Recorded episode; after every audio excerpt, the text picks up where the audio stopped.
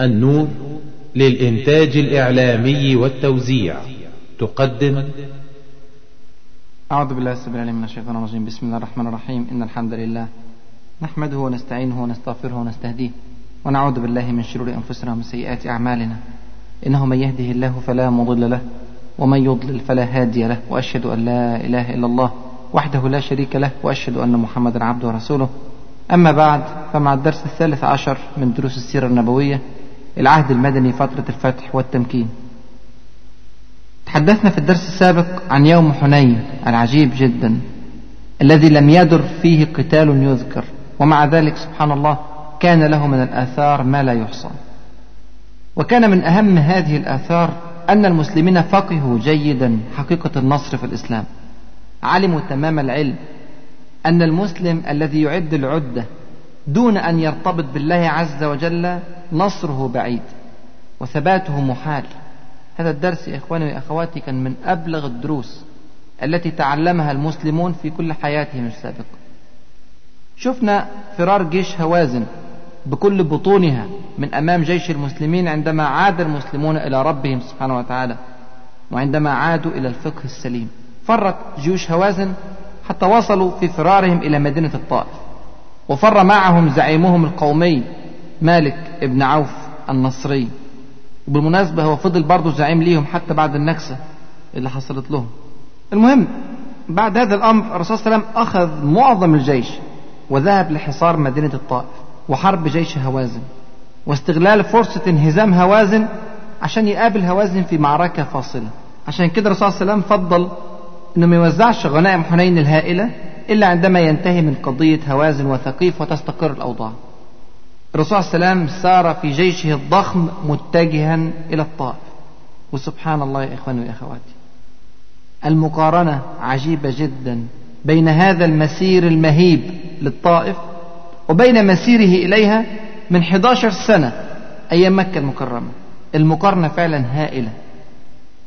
يومها من 11 سنة كان متجها صلى الله عليه وسلم إلى الطائف وهو في أشد حالات الحزن والضيق. كان ماشيا على قدميه. ليس معه إلا غلامه زيد بن حارث رضي الله عنه. طردته مكة وأخرجته وتنكرت له. كانت السيدة خديجة رضي الله عنها قد ماتت ومات عمه أبو طالب. وليس معه في مكة إلا قليل قليل من المؤمنين. لا يتجاوزون مئة. غير 80 واحد من الصحابة كانوا مشردين في الحبشة. الوضع كان في غاية المأساة. ويومها سبحان الله لم تخفف الطائف من آلامه بل عمقت الآلام. فرفضت الدعوة الإسلامية بتكبر وحاربت الرسول صلى الله عليه وسلم بشدة. واستقبلته استقبال اللئام لا استقبال الكرام. وطردوه هو وصاحبه زيد رضي الله عنه. وقد أمطروهما بوابل من الحجارة والتراب والسباب حتى ألجأوهما إلى حائط عتبة وشيبة بني ربيعة. وأنتم عارفين طبعا الدعاء المشهور. الذي دعا به هناك وهو دعاء يعبر عن درجة الألم والأسى والحزن الشديدة التي وصل إليها صلى الله عليه وسلم في ذلك الوقت. والرسول صلى الله عليه وسلم في ذلك اليوم غادر هذه الحديقة وعاد متجها إلى مكة كما يقول في روايته مهموما على وجهه في ظروف لا يتحملها عامة البشر. ومع ذلك ومع كون حالته النفسية قد وصلت إلى أقصى درجات الألم إلا أنه رفض تدمير هذه القرى. الطائف ومرة كفرت بالله عز وجل مع أن ملك الجبال عرض عليه هذا الأمر لكن الرسول صلى الله عليه وسلم قال في منتهى التجرد بل أرجو أن يخرج الله عز وجل بهم من يعبد الله عز وجل وحده لا يشرك به شيئا. وسبحان الله الأيام عدت دورة الأيام والأيام دول وتلك الأيام نداولها بين الناس. وغير الله عز وجل الأحوال وجاء صلى الله عليه وسلم الآن بعد 11 سنة كاملة بما لم يتخيله أحد لا من الطائف ولا من مكة ولا من أهل الجزيرة بكاملها.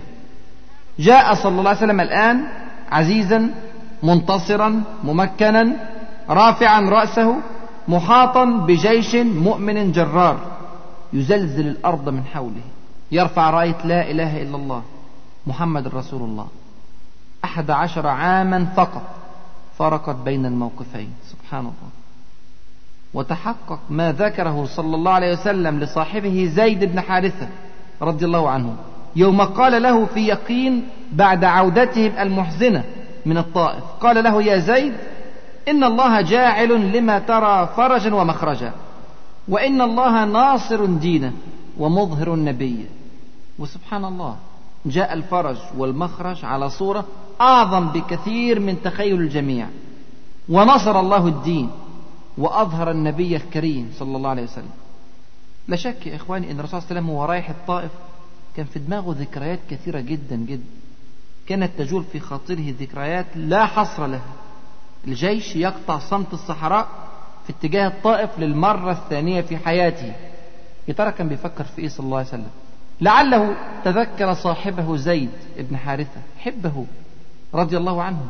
الآن زيد لا يسير معه سبق زيد إلى الجنة رضي الله عنه وأرضاه استشهد في مؤتة كما ذكرنا قبل ذلك. لعله تذكر أهل الطائف وهم يرفضون دعوته جميعا بلا استثناء في تعنت أشد من تعنت أهل مكة. لعله تذكر عبد يليل ابن عمرو بن عمير الثقفي. فاكرينه؟ هذا الذي انتهت إليه الآن زعامة ثقيف عندما وقف يسخر منه صلى الله عليه وسلم. ويقول إنه يمرط أن يمزق ثياب الكعبة إن كان الله عز وجل قد أرسله. هو فين عبد يليل دلوقتي؟ فر فرارا مخزيا من أرض حنين وذهب ليختبئ في جبن ظاهر في داخل حصون الطائف. لعله تذكر عداس النصراني رضي الله عنه الغلام الصغير الذي آمن واختفى ذكره من السيرة بعد ذلك ولا نعلم من حاله شيئا لكن الله عز وجل يعلمه. لعله تذكر عتبة ابن ربيعة وشيبة بن ربيعة صاحبي الحقة التي لجأ إليه صلى الله عليه وسلم عندما طردوه من الطائف. الآن عتبة بن ربيعة وشيبة بن ربيعة يرقدان في قليب بدر يعذبان مع قادة الكفر في مكة المكرمة في قبورهم. لعله تذكر وهو يمر من وادي نخلة مجموعة الجن التي آمنت به في رحلته الأولى للطائف وهو في طريق عودته لمكة المكرمة. لعله يذكر جبريل وملك الجبال والحوار الذي دار بينهم. يا الله سبحان الله. ذكريات كثيرة جدا. بعضها سعيد وبعضها أليم ولكن الأيام على أي حال تمر. وكل شيء سبحان الله يتحول إلى ذكرى ولا يبقى إلا العمل الذي قدم. وصل الجيش العملاق إلى الطائف. توقع الجميع معركة هائلة. هذا تجمع ضخم جدا تجمع هوازن وثقيف في حصون الطائف في عقر دارهم وبين جيش المسلمين الضخم. أنتوا عارفين ان قتل المشركين في موقعة حنين سبعين واحد بس. يعني الجيش بكامله موجود في الطائف. خمسة وعشرين ألف أو يزيد والجيش المسلم 12 ألف. توقع الجميع معركة هائلة. لكن سبحان الله رفض المشركون الخروج للحرب. فضلوا أنهم يمكثوا في حصونهم دون قتال. وحصون الطائف كانت شديدة المنع فعلا. وإذا قرر أهل ثقيف وهوازن عدم الخروج فسيكون القتال فعلا صعبا للغاية. لكن هم فعلا رفضوا مع أن عددهم وعدتهم سبحان الله أضعاف المسلمين. ومع أنهم يقاتلون في بلادهم التي خبروها وقريبا جدا من مددهم. ده هم جوه المدد فعلا وفي ظروف اعتادوا عليها لكن سبحان الله ألقى الله عز وجل الرهبة في قلوبهم. فما استطاعوا أن يأخذوا قرار الحرب مرة ثانية. اكتفوا بفضيحة حنين. ولا شك أن في هذا خزي كبير جدا يا إخواني. صغار شنيع لأن نساء وأموال وأنعام هوازن في يد المسلمين الآن. ومع ذلك فضلوا ألا يخرجوا لاستخلاص هذه الأنعام وهذه الأموال وهذه النساء والأولاد من أيدي المسلمين. هذا خزي كبير جدا ذل ليس بعده الذل. طب يا ترى رد فعل الرسول صلى الله عليه وسلم كان إيه؟ عندما رأى أهل الطائف من هوازن وثقيف يرفضون الخروج للقاء الفاصل. لم يتنازل صلى الله عليه وسلم بسهولة. لكن جمع الجيش الإسلامي وقرر ضرب الحصار على حصون الطائف المنيعه لعلهم يفقدون الأمل ويخرجون. لكن سبحان الله أول ما فرض الحصار بدأ أهل الطائف في إطلاق السهام والرماح على المسلمين. وطبعا زي ما قلنا حصونهم عالية وكبيرة. اشتد رميهم مع مرور الوقت واستشهد من المسلمين 12 واحد. ولم تكن سهام المسلمين تصل إلى داخل الحصون. فأصبحت المشكلة كبيرة على المسلمين.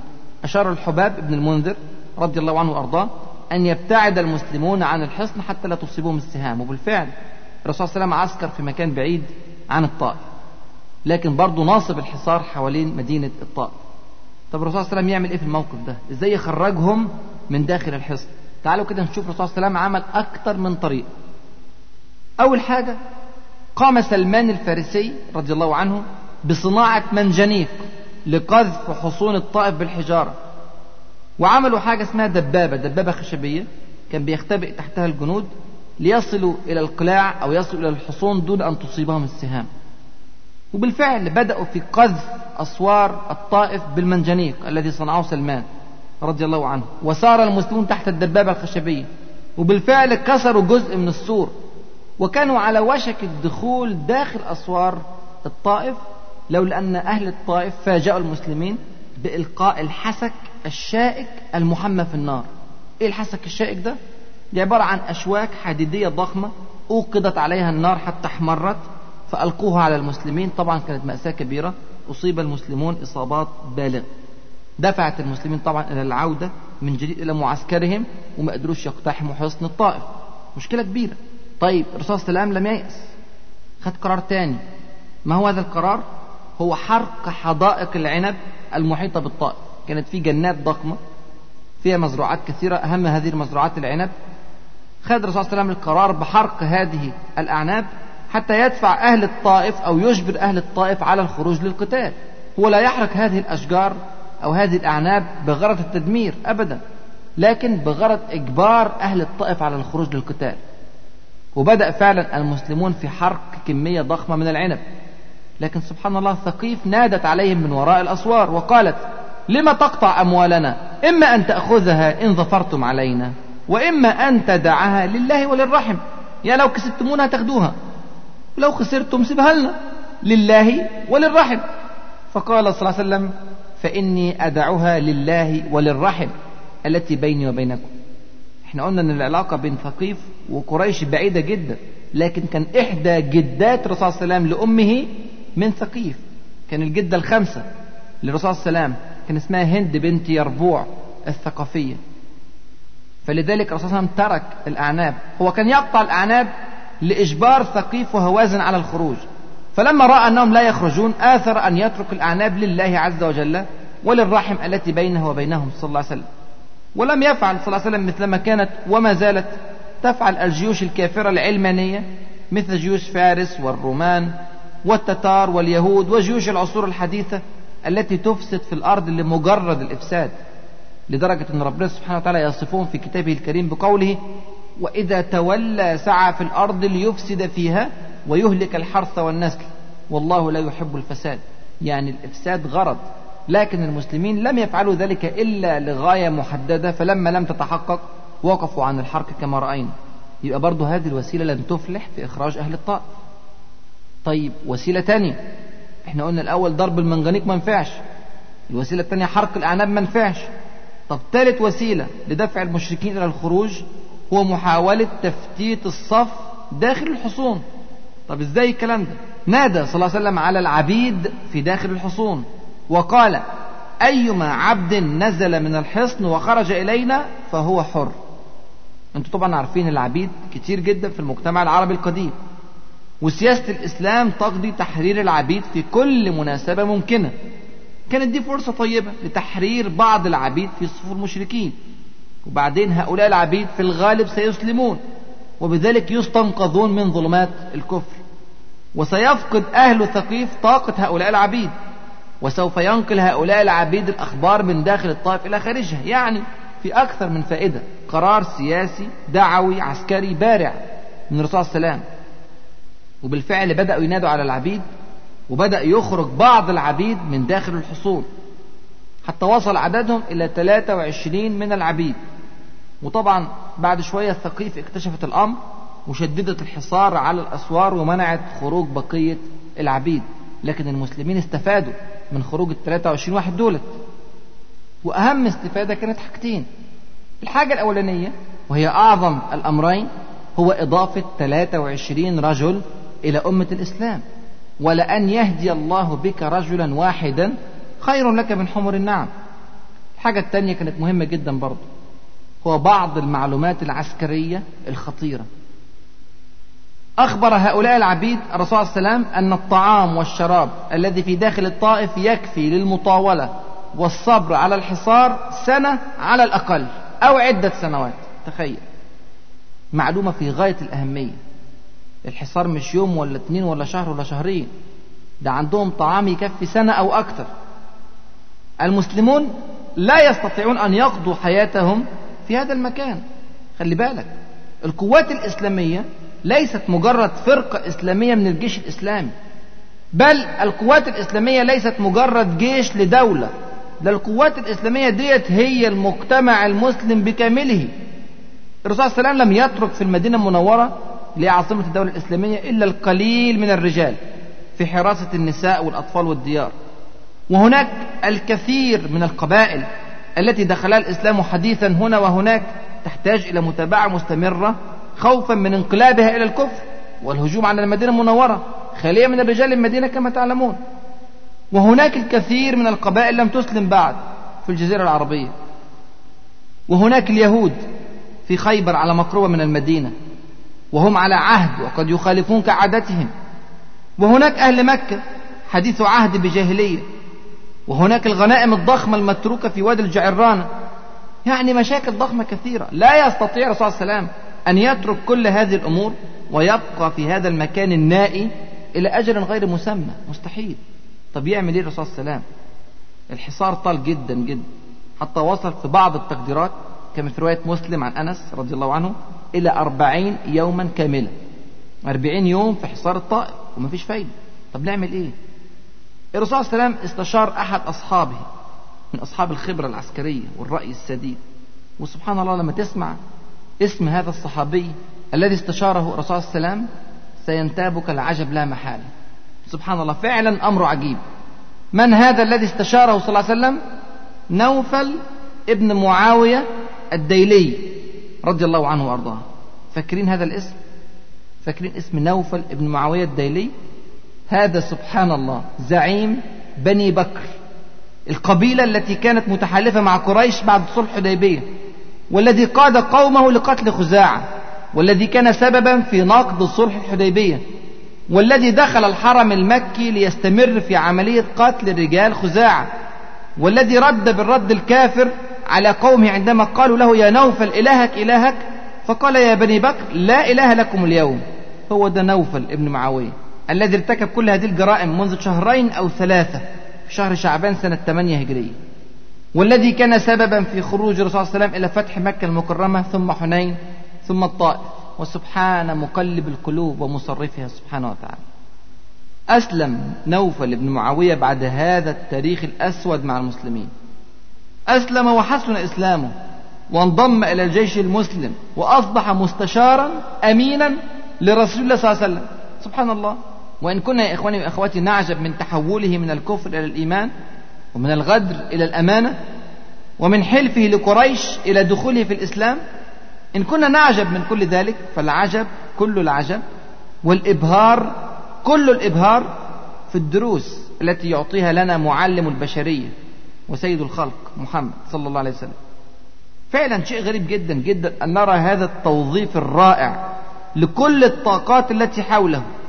هذا الاستغلال المفيد لكل من دخل في صف المؤمنين. هذه القيادة المبهرة لكل هذه الأنواع المختلفة من البشر. والكلام ده ما كانش حدث عارض في حياته صلى الله عليه وسلم بل كان أمرا متكررا وثابتا في كل حياته صلى الله عليه وسلم. شفناه كلنا فاكرين بيولي عمرو بن العاص رضي الله عنه وأرضاه إمارة سرية ذات السلاسل وما مرش على إسلامه إلا شهور قليل. وشفناه كلنا برضه فاكرين يقرب خالد بن الوليد في كل أموره حتى قال خالد فوالله ما كان رسول الله صلى الله عليه وسلم من يوم أسلمت يعدل لي أحدا من أصحابه فيما حزبه. سبحان الله كلام غريب جدا. بس خلي بالك هذا الكلام إحساس صادق من خالد بن الوليد. مع أنه من المؤكد أن الرسول صلى الله عليه وسلم كان كثيرا ما يستشير أصحابه الآخرين.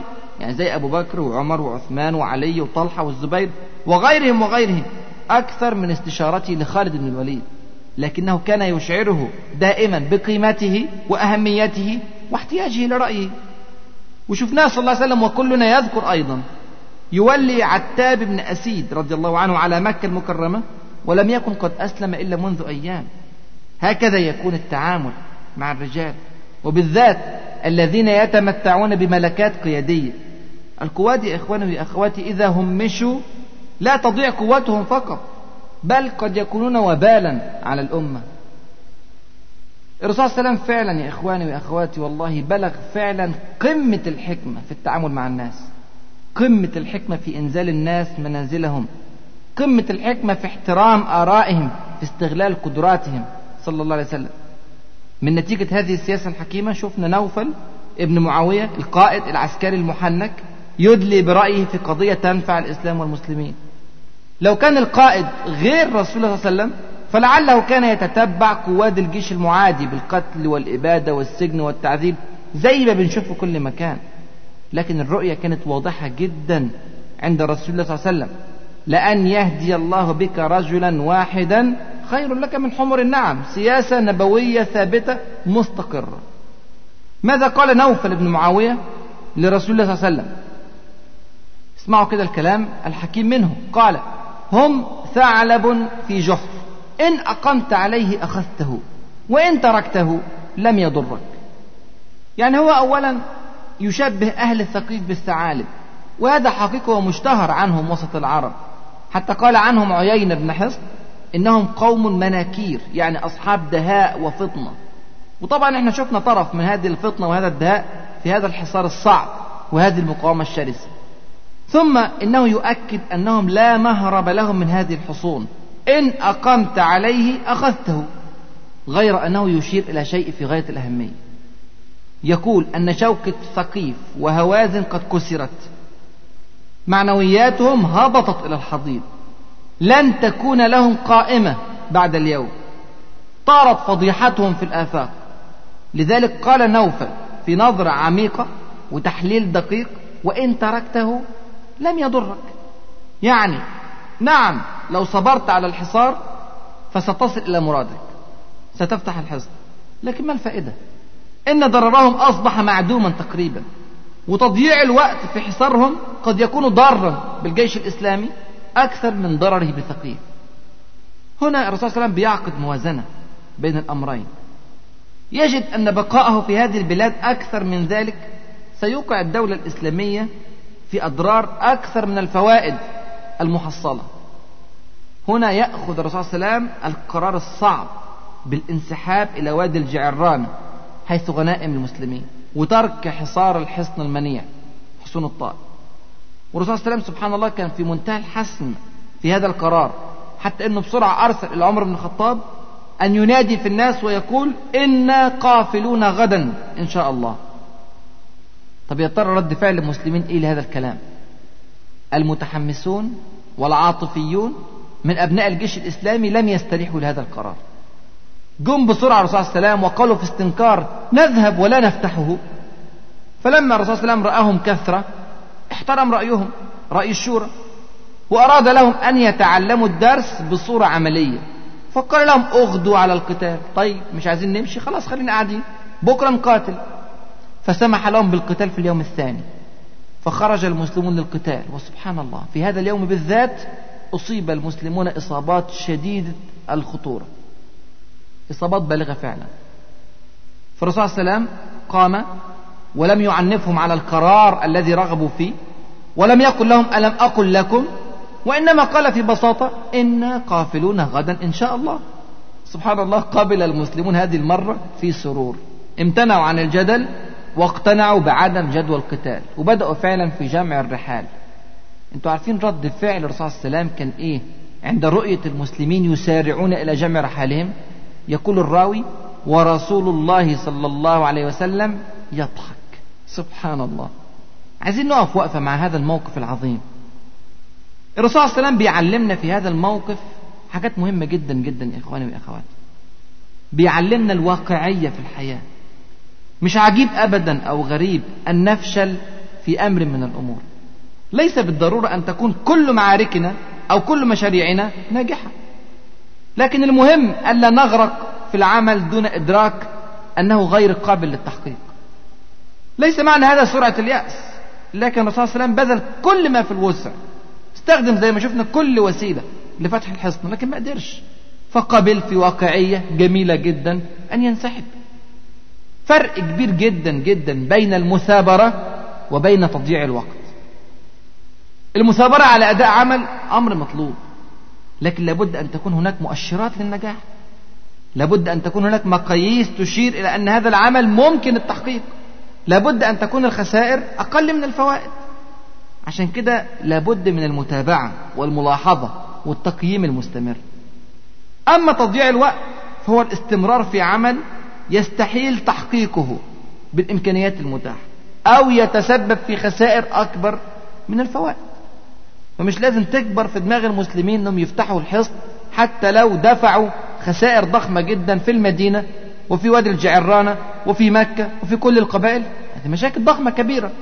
فالرسول صلى الله عليه وسلم فعلا كان واقعي وأراد أن يحقق الفائدة الأعظم حتى وإن تحققت بعض الخسائر.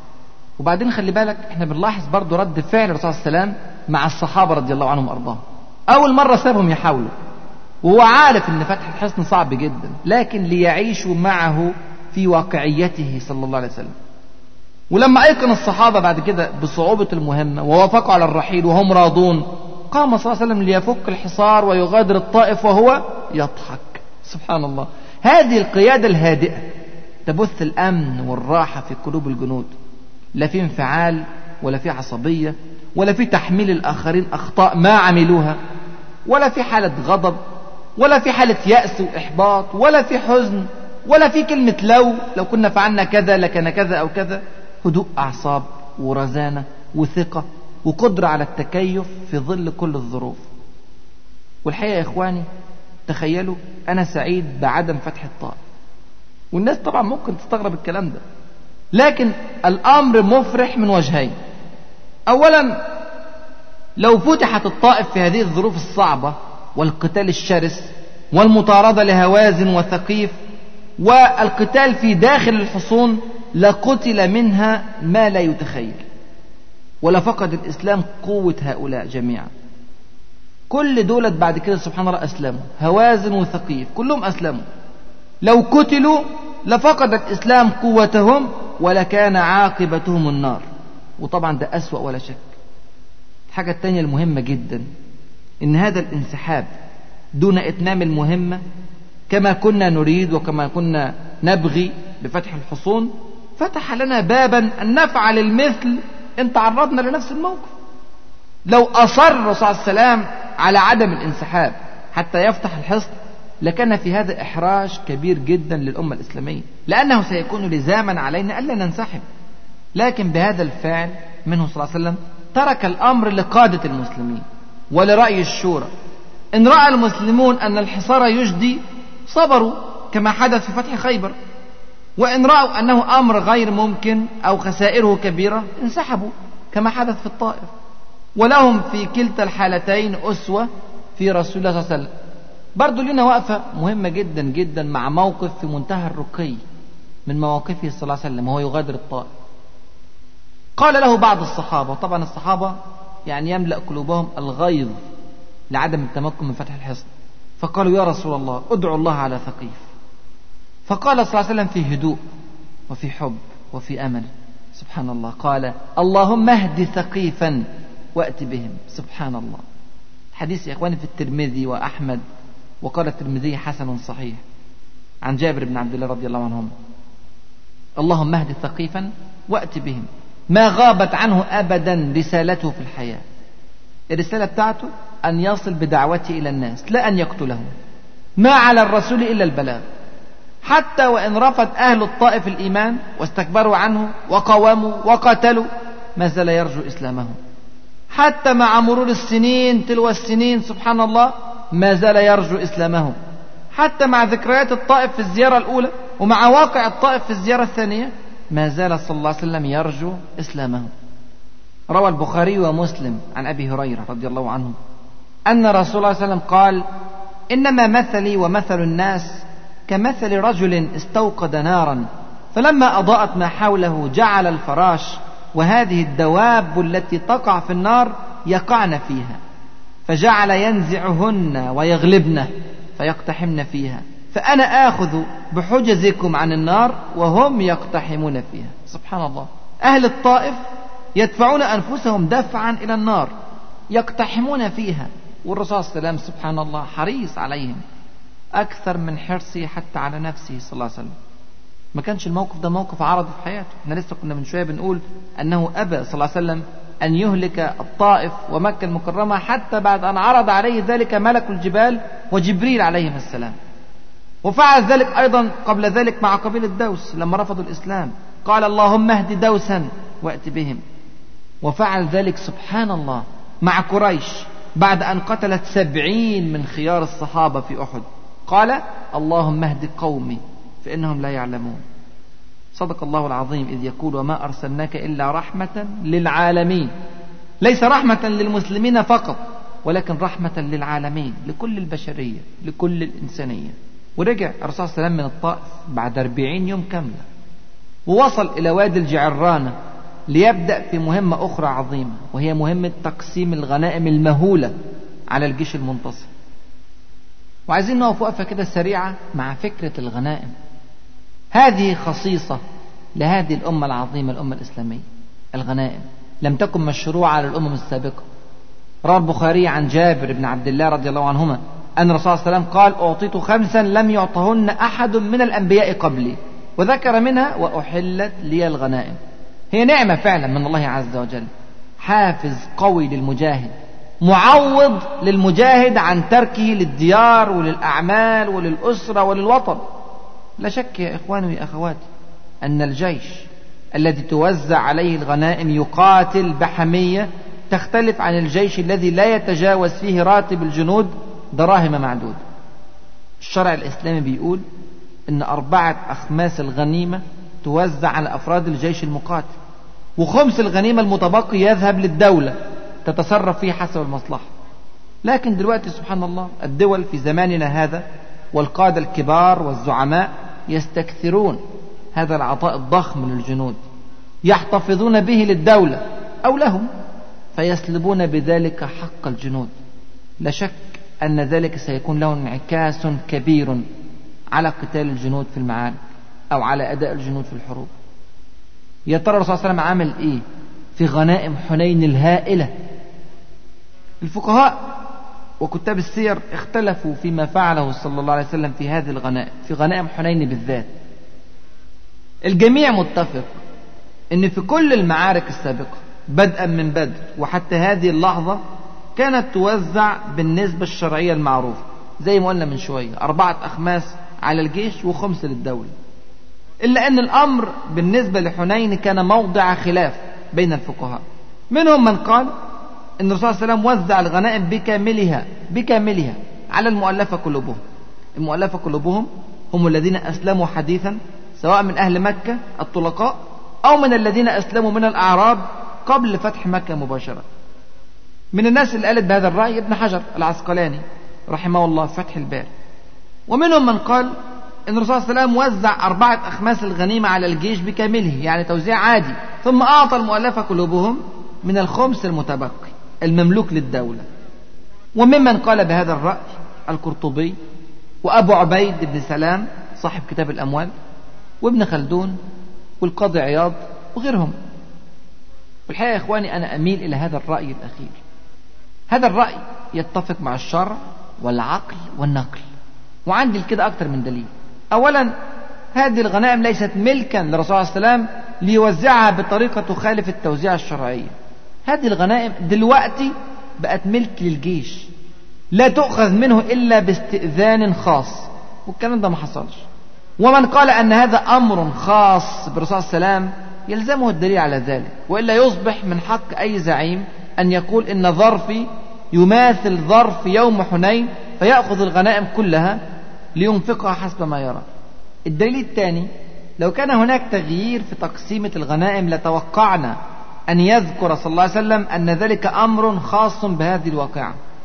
حتى لا يعتقد البعض أن ما فعله هذا في حنين قد نسخ التقسيمة السابقة للغنائم. وإحنا طبعا مش لاقيين هذا القول. وبالذات أن هذه المعركة هي آخر موقعة حربية مع العرب.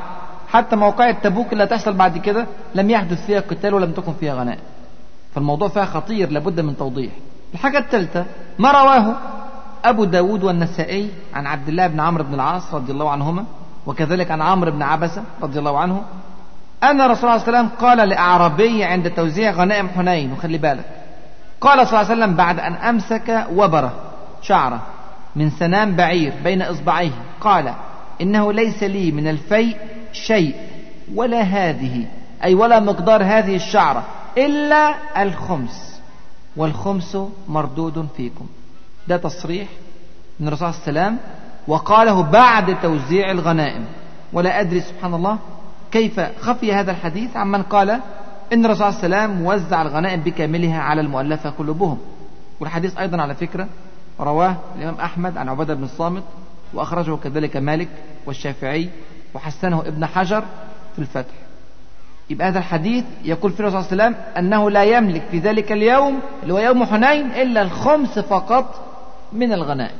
يبقى ده الدليل الثالث الدليل الرابع وركز معايا بقى في الحسابات دي. لو رجعت أرقام الغنائم ومن وزع عليهم أدركت أنه من المستحيل أن يكون قد قسم كل هذه الغنائم على المؤلفة قلوبهم فقط عدد اللي الرسول صلى الله عليه وسلم أعطاهم هذا العطاء السخي لا يزيدون في أي كتاب من كتب السيرة على عشرين رجل. ولو جمعت الأسماء من الكتب المختلفة هتوصل بالرقم لأربعين أو خمسين بالكاد. طيب إذا كان الرسول صلى الله عليه وسلم يعطي الناس مئة مئة من الإبل فعطاؤه لأربعين رجل سيبلغ أربعة آلاف بعير فقط مع أنه كان بيعطي بعضهم خمسين مش مية. يعني هيكون أقل من أربعة آلاف أو أقل من خمسة آلاف. فهذه أربعة آلاف بعير. فأين ذلك؟ من أربعة وعشرين ألف بعير. هي غنائم حنين. ده غير الشياه. أربعين ألف شاة. وغير الفضة. أربعة آلاف أقية من الفضة. وغير ستة آلاف من السبر ولم يرد أنه صلى الله عليه وسلم أعطى أرقاما كبيرة كمائة بعير أو خمسين بعير إلا لهذه المجموعة من الزعماء المؤلفة قلوبهم فقط. الحاجة الخامسة أو الدليل الخامس هل كان يرضى أفراد القبائل من الأعراب ومن قريش فقط بإعطاء زعمائهم؟ هل هذا كان يسبب لهم الرضا؟ أم أنهم لا يرضون أبدا إلا إذا أخذوا ولو شيئا بسيطا؟ يعني لو أنا اديت زعيم قبيلة غطفان مئة من الإبل هل سيرضى ألفان أو ثلاثة ألاف غطفاني دون إعطائهم؟ لا شك إخواني وأخواتي أن قلوب الجميع كانت تهفو إلى الغنيمة. وبعدين كل الناس ديت محتاجة تأليف قلب. أنا أرى أن تسعة وتسعين بالمئة من المسلمين الذين دخلوا في الإسلام بعد الصلح الحديبية وبعد فتح خيبر يحتاجوا تأليف قلب. تخيل؟ لن يترفع منهم عن هذه الغنيمة إلا قليل القليل.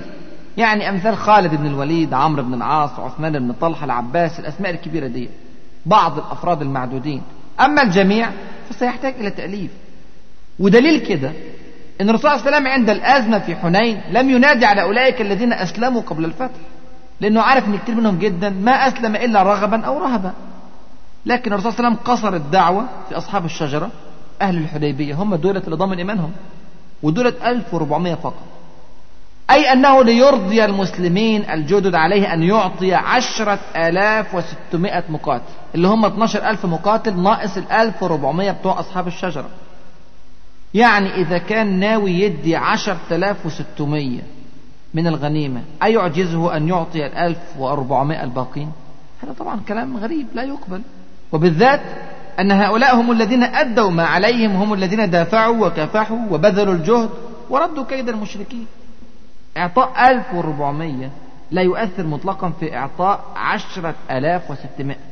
فليس هناك أي داعي لحرمانهم من الغنيمة الرئيسية الشرعية المستحقة وهي أربعة أخماس الغنيمة الكلية. دولة خمس أدلة وفي دليل سادس هنجيله إن شاء الله في الدرس اللي جاي مع تقدم الأحداث.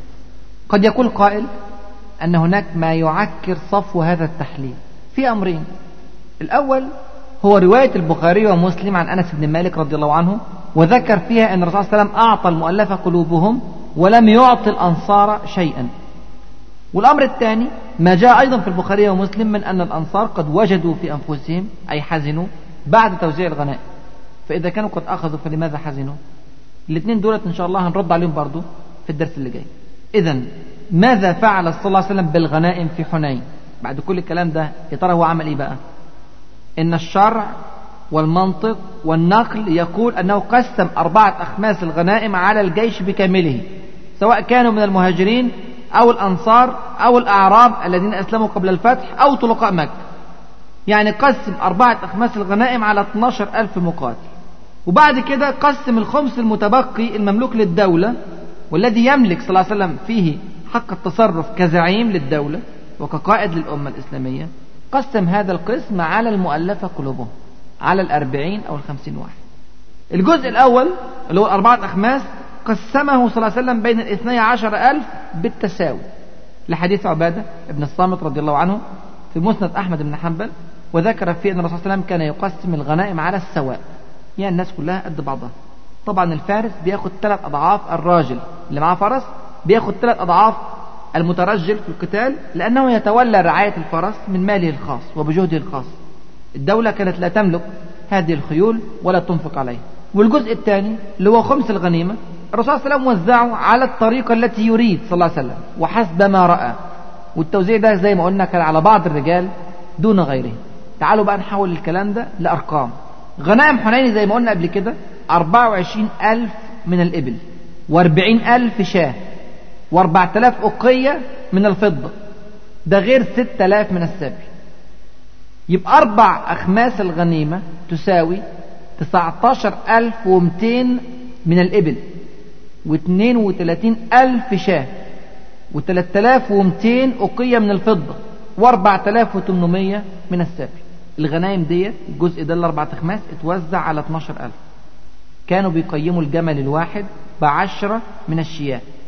على كده لو حسبت الحسبة هتلاقي إن كل واحد من أفراد الجيش هياخد إما جملين وإما عشرين من الشياه.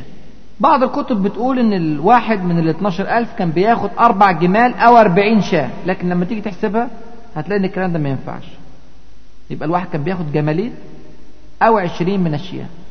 أو إن تكون عدد الغنائم أكتر من كده لكن الثابت واللي صح إن عدد الغنائم زي ما ذكرناها كده 24 ألف من الإبل و40 ألف شاة و4000 أقية من الفضة. فوجب أن تكون هذه التقسيمة كما أقول اللي هي جملين أو 20 من الشياه وبكده نقدر نوزع الغنائم على 12 ألف. وبعد كده نقسم الفضة. كل واحد هياخد ربع أقية من الفضة. السبي كان يقسم بمعرفة الزعيم أو الإمام أو رئيس الدولة. وطبعا هنا الرسول وسلم. هم 4800 بتوزعوا على 12000 ففي ناس هتاخد وفي ناس مش هتاخد.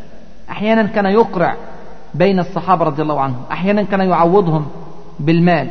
أحيانا كان يعطي البعض والآخر يعطى من الغزو اللاحق بعد ذلك. المهم أن قسم السبي على الصحابة رضي الله عنهم وأرضاهم. والقاعدة اللي بتحكم هذا التقسيم كما ذكرنا التقسيم بالتساوي. ده الوضع بالنسبة لأربعة أخماس الغنيمة. أما بالنسبة للخمس المتبقي فهذا يحتاج إلى وقف. ووقفة طويلة الحقيقة. المال ده مال الدولة. والرسول صلى الله عليه وسلم كقائد يوجهه في الوجه الأصلح للدولة. قد يشترى به السلاح قد يفتدى به الأسرى قد تعطى منه الهبات لأهل النجدة والبأس في الحرب قد تعطى منه رواتب وأجور قد يدخل في مشروعات الدولة المختلفة. المهم أن القائد ينفقه في الوجه الأصلح للدولة. ما هو الأصلح للدولة في هذا الوقت؟ الرسول يا إخواني وأخواتي رجل عملي يعيش على أرض الواقع. هو يعلم صلى الله عليه وسلم أن في جيشه من الرجال من يقف على شفا حفرة. منهم من هو متردد جدا في أمر الإسلام. منهم من دخل الإسلام رهبا من قوته أو رغبا في أمواله. منهم من كان سيدا مطاعا في قومه. ليس لأحد في العرب أو في العالم كلمة واحدة عليه.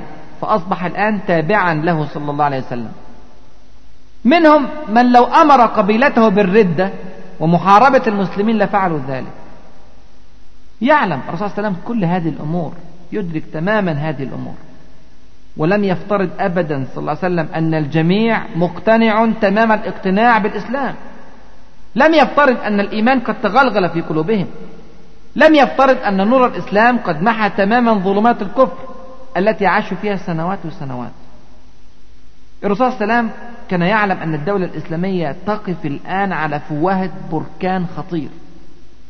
لو خطر على ذهن كل سيد من سادات العرب وكل زعيم من زعماء القبائل المختلفة أن يثور وينقلب على الدولة الإسلامية فإن هذا قد يؤدي إلى دمار شامل للدولة الجديدة. وأنتم عارفين الدولة الجديدة لم تستقر بعد بصورة كافية. وبخاصة إن أموال وأملاك الدولة الإسلامية اتسعت جدا وكثر أتباع المسلمين وليس هناك وقت كافي لتربية كل هؤلاء المسلمين الجدد. طب يعمل إيه الرسول صلى الله عليه وسلم؟ الرسول صلى الله عليه وسلم عرف أنه لن يؤمن جانبهم إلا بترضية سخية ومجزية من الدولة الإسلامية. لو حسوا إن حالتهم المادية استقرت وإن أموالهم كترت وإن وضعهم الاجتماعي اتحسن بعد انتمائهم للدولة الإسلامية فسيحبون هذه الدولة التي حققت لهم هذا الرخاء. وهيحاولوا بكل طاقة أن يدعموا هذه الدولة ليستمر وضعهم في التحسن. ودولة أهل مادة من البداية إلى أن يحسن إسلامهم بعد ذلك. نعم الإيمان الذي يكون سببه حب المال إيمان ضعيف لكن هذا يكون في البداية فقط. ثم إذا دخل في محاضن التربية الإسلامية الإيمان يبدأ في الرسوخ تدريجيا حتى يصبح الإيمان أغلى عنده من المال. والكلام ده طبعا بيحتاج لوقت. والرسول الله عليه كان عارف إن النظام القبلية المترسخ في الجزيرة العربية منذ قرون يجعل لقائد القبيلة الكلمة العليا المطلقة في قبيلته. عشان كده فكر صلى الله عليه وسلم أن يشتري رضا هؤلاء الزعماء واستقرار هؤلاء الزعماء بالمال. فعلا كده يشتريهم بالمال. هؤلاء الزعماء سوف يؤثرون تأثيرا إيجابيا على أتباعهم من القبائل المختلفة. ومن ثم هو يشتري استقرار الدولة الإسلامية.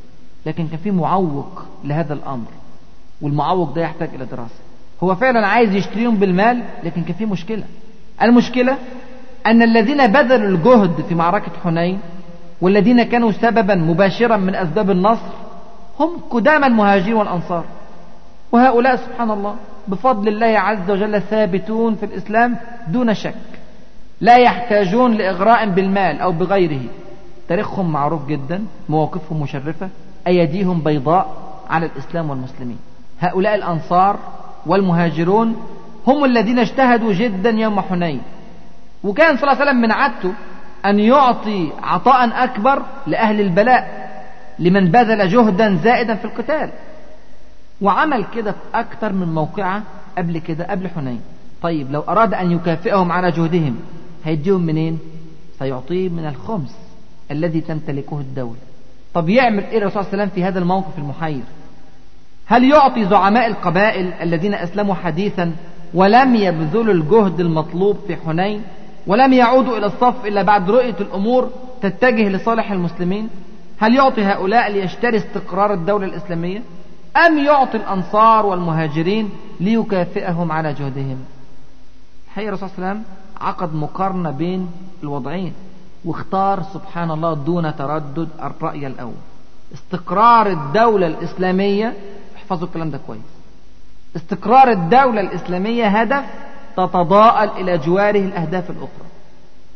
لو تزعزع هذا الاستقرار الجميع الجميع سيدفع الثمن سواء من قدامى المسلمين أو ممن أسلموا حديثا. الجميع سيعاني من هذا الاضطراب في استقرار الدولة الإسلامية. لا ننكر أن هناك ضرر نفسي ومادي سيقع على الأنصار والمهاجرين لكن الضرر الأكبر هو اضطراب الدولة الإسلامية عدم استقرار الدولة الإسلامية. بتطبيق قاعدة دفع أكبر الضررين وجلب أكبر المنفعتين الرسول صلى الله عليه وسلم لقى أن شراء زعماء القبائل وسادة القبائل بالمال مقدم على مكافأة الأنصار والمهاجرين. بل وجد صلى الله عليه وسلم أنه لا يستطيع أن يعطي جزءا لسادة القبائل وجزءا للأنصار والمهاجرين لأن هذا سيؤدي إلى نقص المعطى لسادة القبائل. قد يستصغرونه أو يستحقرونه فلا يتحقق المطلوب. هذا من ناحية. ومن ناحية تانية هيلاقوا نفسهم زي التانيين لا يشعرون بشيء من التميز ومن ثم قد لا يرضون تمام الرضا. وأنا عارف إن كلامي ده قد لا يرضي عواطف المستمعين لكن لا شك أنه يقنع عقول المستمعين. هذا الكلام يا إخواني ليه تطبيقات كتيرة جدا جدا عملية.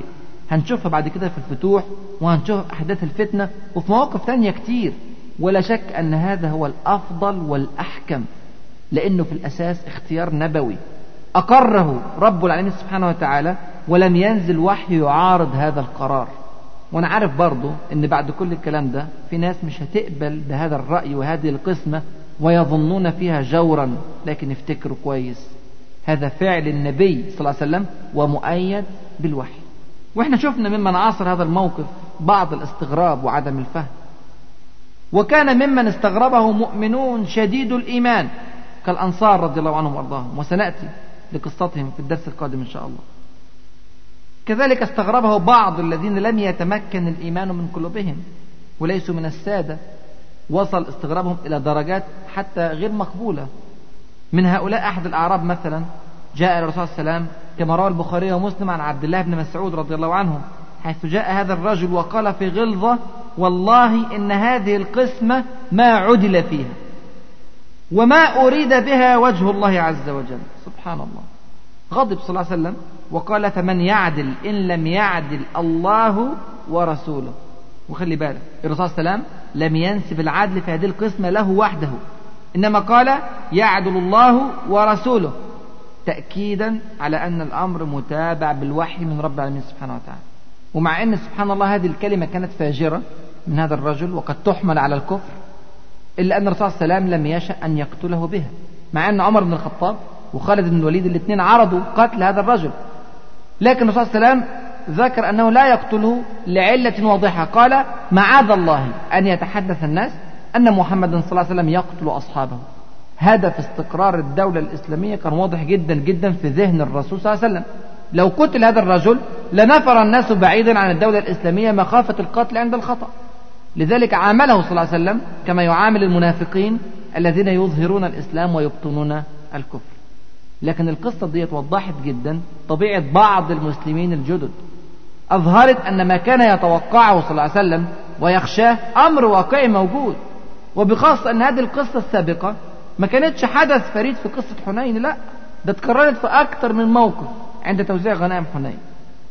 ولا شك أن هذا كله كان يتراكم في ذهن الرسول صلى الله عليه وسلم ليصبح سببا واضحا في القرار الذي أخذه بخصوص توزيع الخمس على الزعماء.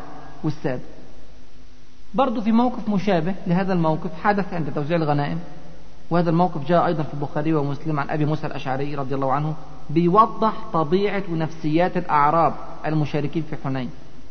يقول أبو موسى الأشعري رضي الله عنه كنت عند النبي صلى الله عليه وسلم وهو نازل بالجعرانة بين مكة والمدينة ومعه بلال رضي الله عنه. فأتى النبي صلى الله عليه وسلم أعربي فقال ألا تنجز لي ما وعدتني؟ الرسول صلى الله عليه وسلم كان وعد بتقسيم الغنائم عليهم ولكن الكلام ده اتأخر كتير جدا عن يوم حنين. إحنا قلنا قعدنا 40 يوم تقريبا محاصرين الطائف ده غير أيام الذهاب والعودة. الرسول صلى الله عليه وسلم تلطف معه وقال له أبشر. يعني هديلك أبشر.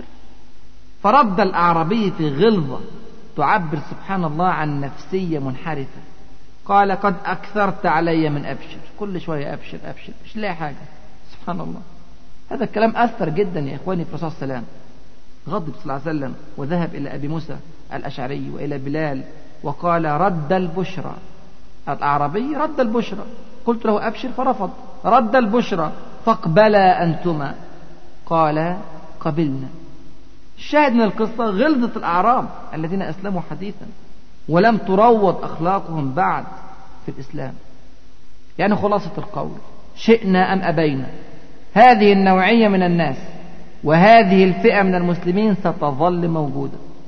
إما أن نعترف بالواقع ونتعايش معه ونتعامل معهم على هذا الأساس وإما أن نعيش في مثاليات وهمية. ليس لها مكان على أرض الواقع مع كل ما يحمله هذا النهج الأخير من خطورة على الأفراد والأمم.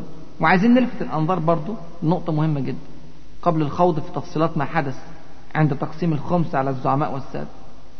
وهو أنه لولا ثقة الرسول عليه وسلم التامة بالسابقين من الأنصار والمهاجرين لكان تطبيق هذا القرار مستحيل.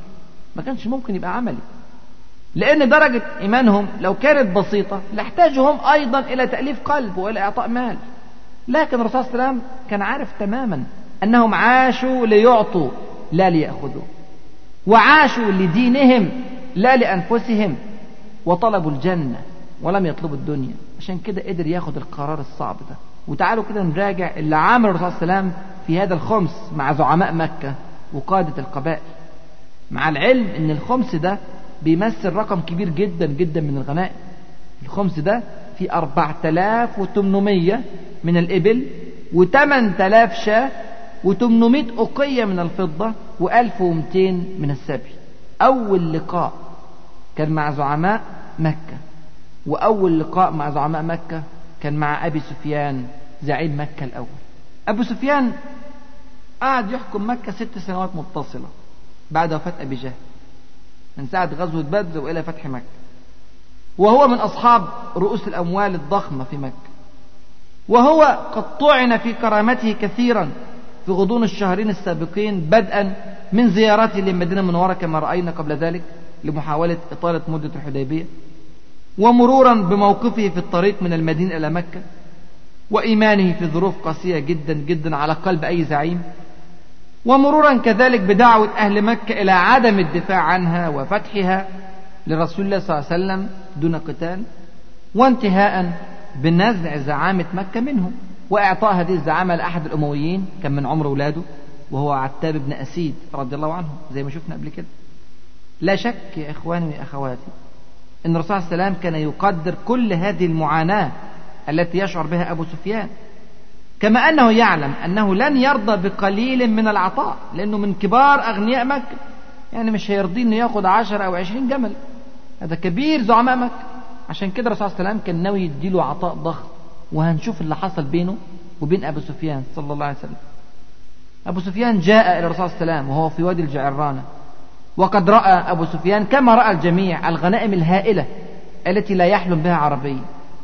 قال أبو سفيان وبيبص الغنائم كده وشايف ما شاء الله الأرقام هائلة قال يا رسول الله أصبحت أكثر قريش مالا. يعني ما شاء الله أغنى واحد فينا. طبعا هو أنا بيلمح لوجود المال الكثير فاديني منه. فتبسم صلى الله عليه وسلم ولم يتكلم. لما رأى أبو سفيان أن التلميح مش نافع.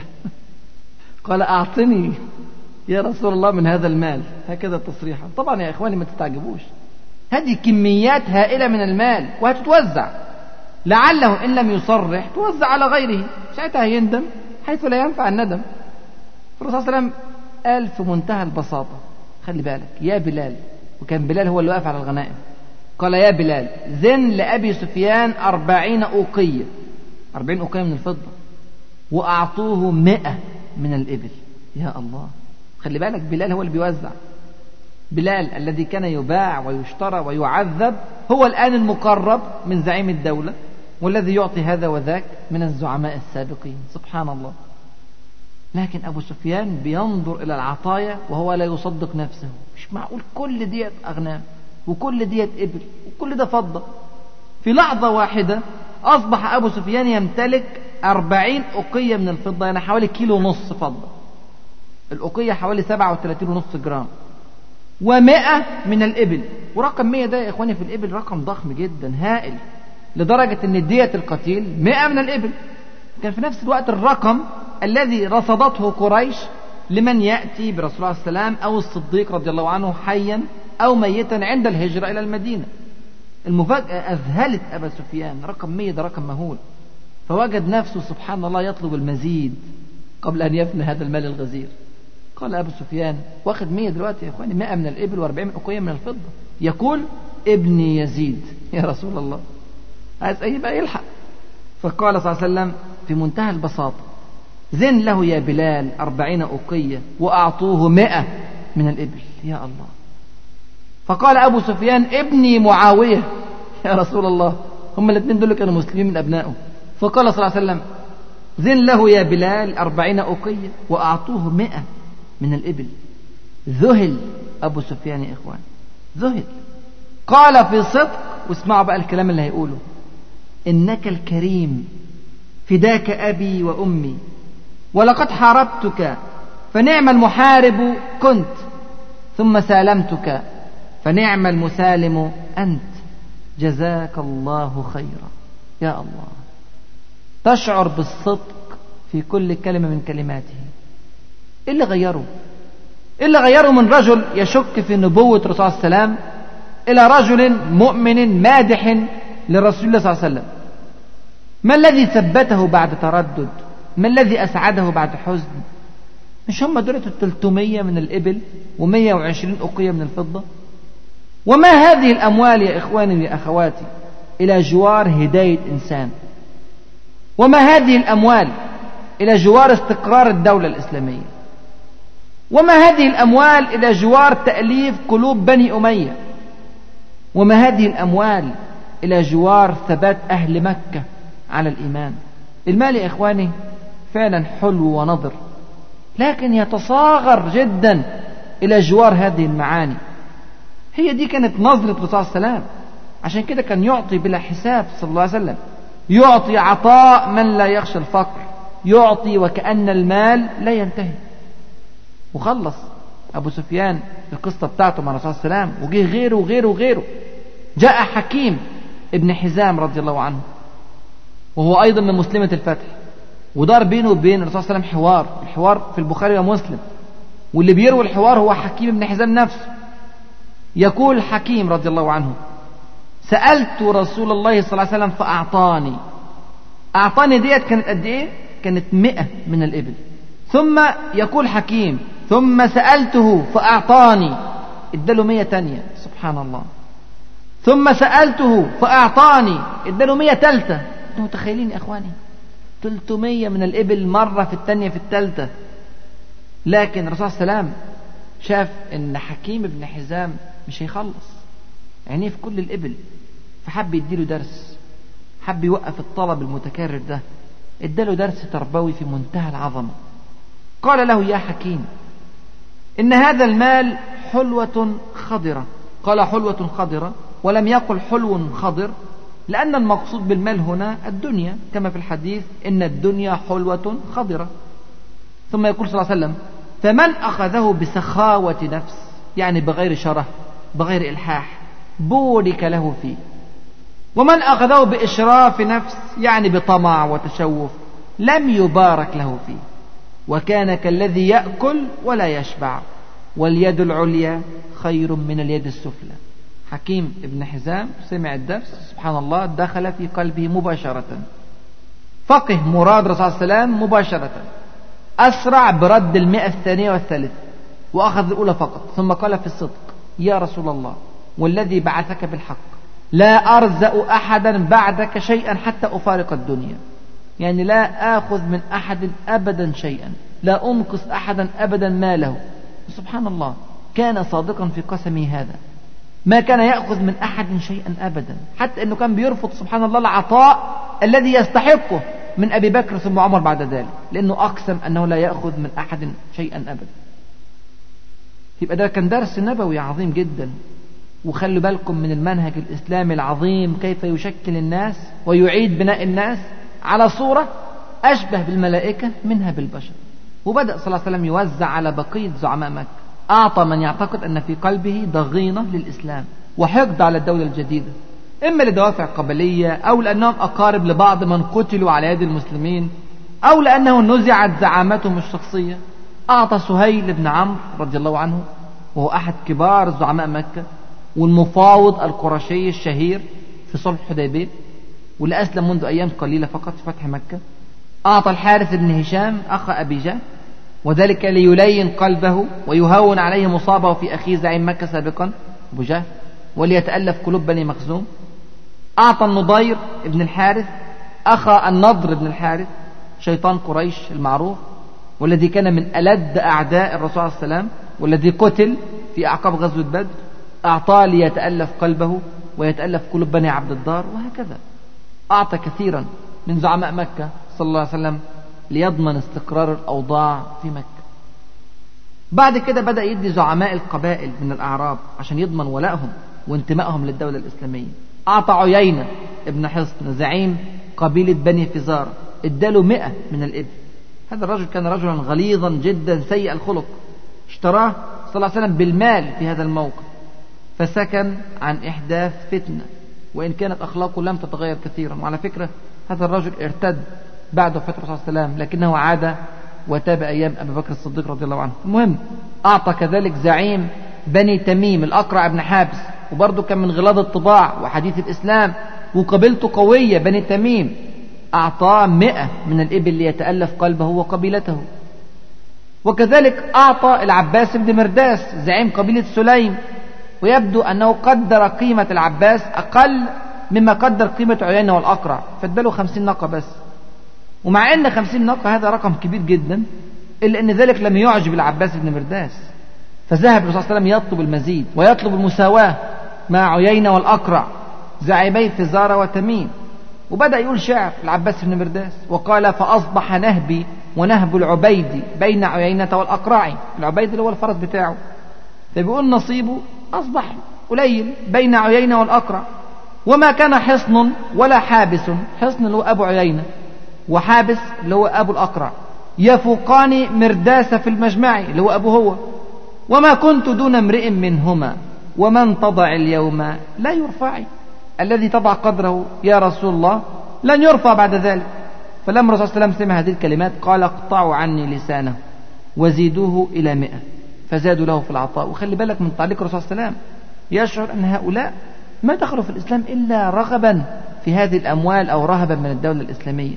اقطعوا عني لسانه وزيدوه إلى مئة فزودوه لمئة.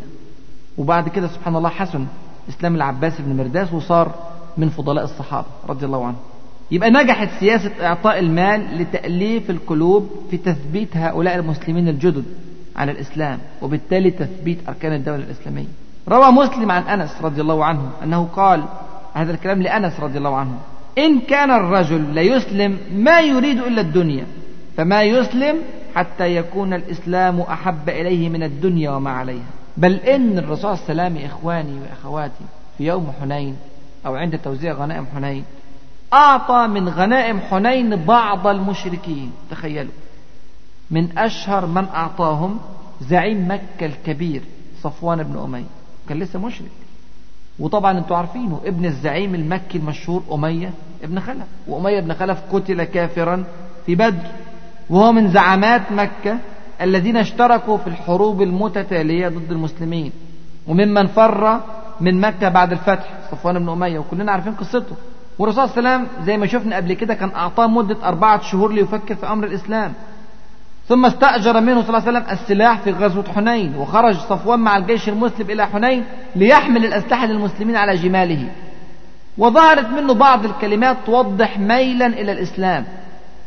ولما اتغلب المسلمين في أول الأمر وهربوا واحد من المشركين كان اسمه كلدة ابن الحنبل زي ما قلنا في المرة اللي فاتت قال ألا بطل السحر اليوم؟ فاعترض صفوان على شماتة كلدة وقال اسكت فض الله فاك. فوالله لأن يربني أن يملكني رجل من قريش أحب إلي من أن يربني رجل من هوازن. طبعا هو إن كان قال هذا الكلام من ناحية قبلية بحتة إلا أنه عبر عن اختفاء الضغينة الشديدة للرسول عليه السلام من قلبه. الكلام ده كان موجود في قلوب كل المشركين في مكة.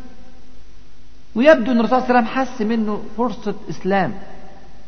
فأراد أن يجزل له العطاء بصورة أضخم من كل تصور. طبعا صفوان بن أمية واقف يتفرج على الناس عمالة تاخد غنايم عمالة تاخد مئة ومئة ومئة وهو من المشركين فمش عارف يطلب. فواقف يتفرج ومتحسر. الرسول صلى الله عليه وسلم نادى صفوان بن أمية وأعطاه مئة من الإبل. سبحان الله. كما أعطى الزعماء المسلمين من أهل مكة. وبعدين بعد ما اداله مئة من الإبل لقاه واقف يبص سبحان الله على شعب من شعاب حنين قد ملئ إبلا وشاء. يعني جواه إبل كثيرة وشياه كثيرة. ويبدو عليه علامات الانبهار من كمية الأنعام. فقال له صلى الله عليه وسلم أبا وهب يعجبك هذا الشعب؟ مبسوط من شكل هذه الأغنام وهذه الإبل؟ قال صفوان في صراحة شديدة نعم. منظر جميل جدا. منظر كميات ضخمة جدا من الأموال. قال صلى الله عليه وسلم في بساطة وكأنه يتنازل عن جمل أو جملين. قال هو لك وما فيه. يا الله. المفاجأة يا إخواني أذهلت صفوان بن أمية. وضحت قدام عينيه فجأة الحقيقة اللي فضلت غايبة عنه سنين كتيرة جدا. لم يجد صفوان بن أمية نفسه إلا قائلا ما طابت نفس أحد بمثل هذا إلا نفس نبي. أشهد أنه لا إله إلا الله وأن محمدا عبده ورسوله. يا الله. أسلم صفوان في مكانه يقول صفوان بن أمية كما روى الإمام مسلم في الصحيح والله لقد أعطاني رسول الله صلى الله عليه وسلم ما أعطاني وإنه لأبغض الناس إلي. فما برح يعطيني حتى إنه لأحب الناس إلي. صلى الله عليه وسلم. أي خير أصاب صفوان رضي الله عنه وأرضاه. أي خير تحقق لقبيلة بني جمح عندما أسلم زعيمها؟ أي خير تحقق لمكة؟ أي خير تحقق للمسلمين؟ وقد أضيفت إليهم قوة الزعيم المكي المشهور صفوان بن أمية والذي حسن إسلامه بعد ذلك وصار من المجاهدين في سبيل الله. كل الخير ده يا إخواني وأخواتي بمجموعة من الإبل والشياه. تخيلوا. أي قيمة لهذه الإبل والشياه؟ هذه الإبل والشياه إما تؤكل أو تموت. الدنيا بكاملها وليس الإبل والشياه فقط تفنى وتزول. لكن الذي لا يزول هو نعيم الجنة. كم من البشر سيذوق نعيم الجنة هذا ويخلط فيه لأنه أعطي ذات يوم مجموعة من الإبل والشياه. أليس هذا فهما راقيا من رسول الله صلى الله عليه وسلم؟ لحقيقة الدنيا وحقيقة الآخرة وحقيقة الغنائم وحقيقة البشر. أليس هذا تقديرا صائبا من الرسول الحكيم صلى الله عليه وسلم؟ هذه هي المقارنة التي عقدها المصطفى صلى الله عليه وسلم. الأغنام في مقابل الإسلام. الدنيا في مقابل الآخرة. لما اتحطت المقارنة بهذه الصورة الصريحة وجد صلى الله عليه وسلم أن الأغنام هانت عليه جدا. بل هانت عليه الدنيا بكاملها. أعطاها دون تردد. الدنيا عنده لا تعدل جناح بعوضة. الدنيا عنده قطرة في يم واسع. الدنيا عنده أهون من جدي أسك ميت. هذا لم يكن كلاما نظريا فلسفيا يا إخواني وأخواتي. إنما رآه الناس جميعا بعيونهم. كان واقعا في حياتي وحياة الصحابة رضي الله عنهم وأرضاهم. وكان هذا الواقع بارزا في أبهى صوره في قصة غنائم حنين حيث أعطى كما لم يعطي أحد من العالمين. حتى سبحان الله بعدما أعطى هذا العطاء لم يتبقى في يده شيء لنفسه صلى الله عليه وسلم. لم يتبقى ما يعوض به فقر السنين وتعب العمر. وقد بلغ الستين من عمره بل تجاوز الستين صلى الله عليه وسلم. لم يحتفظ بشيء لنفسه بل وزع هنا وهناك على الأعراب وعلى حديث الإسلام حتى ما بقي معه شيء أبدا. سبحان الله. حصره الأعراب الجفاة يطلبون المال والأنعام حتى اضطروه وهو الزعيم المنتصر والقائد الأعلى والرسول الكريم صلى الله عليه وسلم. اضطروه إلى شجرة ونزعوا رداءه.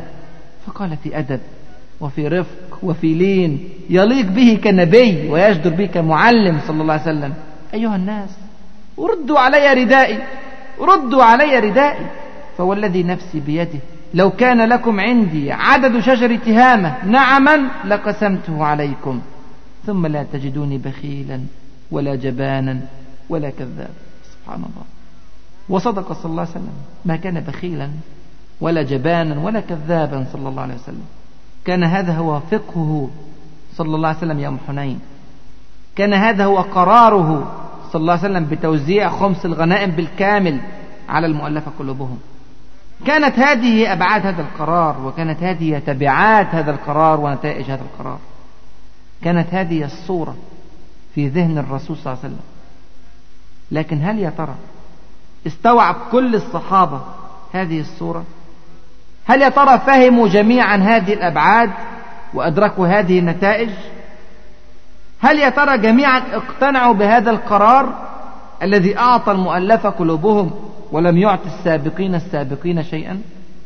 حق يا إخواني الإجابة لا. مش كل الصحابة كانوا فاهمين هذا الفهم في ذلك الوقت. نعم هناك من استوعب الموضوع بكامله لكن هناك من لم يستطع أن يدرك هذه الأبعاد النبيل في فكر الرسول صلى الله عليه وسلم. فكان لابد لهم من الاستفهام والتساؤل. من هؤلاء مثلا سعد بن أبي وقاص رضي الله عنه أبدى الاستغراب لهذا الأمر. قال سعد يا رسول الله أعطيت عيينة والأقرع مئة مئة وتركت جعيل بن سراقة الضمري جعيل بن سراقة كان من أهل الصفة من فقراء المسلمين. فأجاب صلى الله عليه وسلم الإجابة التي تفسر وتوضح. قال أما والذي نفس محمد بيده لجعيل بن سراقة خير من طلاع الأرض خير مما يملأ الأرض كلهم مثل عيين بن حصن والأقرع بن حابس ولكني تألفتهما ليسلما ووكلت جعيل بن سراقة إلى إسلامه. رضي الله عنه وارضاه. الكلمة دي كانت بتفسر كل شيء. هذه الكلمة كانت تعدل عند جعيل مال الأرض كله ليس معنى أنني أعطيت واحدا ومنعت الآخر أن الأول أفضل من الثاني بل على العكس. قيمة جعيل بن سراقة عند الرسول الله وسلم أغلى من ملء الأرض من عيينة والأقرع. برغم أن جعيلا سبحان الله أقل مالا وأقل سلطة وأقل شهرة وأقل وضعا اجتماعيا لكنه أعلى إيمانا وأرسخ قدما في الإسلام. وجعيل رضي الله عنه وأرضاه فقه ذلك المعنى. هذه الشهادة من رسول الله صلى الله عليه وسلم كانت عنده أغلى ليس فقط من غنائم حنين ولكن أغلى من كل مال الأرض. ده كان استغراب بعض الصحابة زي سعد بن أبي وقاص زي ما قلنا من إعطاء حديث الإسلام وترك السابقين من المهاجرين والأنصار. لكن هناك استغراب كان أكثر أهمية. وأكثر خطورة من مجموعة أخرى من المسلمين. المجموعة ديت كانت الأنصار. وجه الأهمية ومكمن الخطورة إن هذا الاستغراب والإنكار لم يكن فرديا في الأنصار إنما كان جماعيا من مجموعة كبيرة من الأنصار. حقيقة الموقف ده موقف مشهور ومعروف لكن فيه دروس لا تحصى ومحتاج تحليل كبير ومحتاج استخراج عبر وعظات ومحتاج تعلم نهج نبوي راقي جدا جدا في إدارة الأمور. وكيف يخرج صلى الله عليه وسلم من الأزمات الطاحنة؟ ويخرج بأفضل النتائج التي لا تخطر على بال إنسان فقه نبوي حكيم ومنهج رباني سبحان الله في تربية البشر وفي قيادة العالمين. الكلام ده محتاج لتفصيل. وأشعر أن الوقت قد لا يتسع لهذا التحليل ولذلك سأتكلم عنه بالتفصيل وعن غيره من الأحداث إن شاء الله. في الدرس القادم وأسأل الله عز وجل أن يفقهنا في سننه وأن يعلمنا ما ينفعنا وأن ينفعنا بما علمنا. إنه ولي ذلك والقادر عليه. فستذكرون ما أقول لكم وأفوض أمري إلى الله. إن الله بصير بالعباد. والسلام عليكم ورحمة الله وبركاته. مع تحيات النور للإنتاج الإعلامي والتوزيع.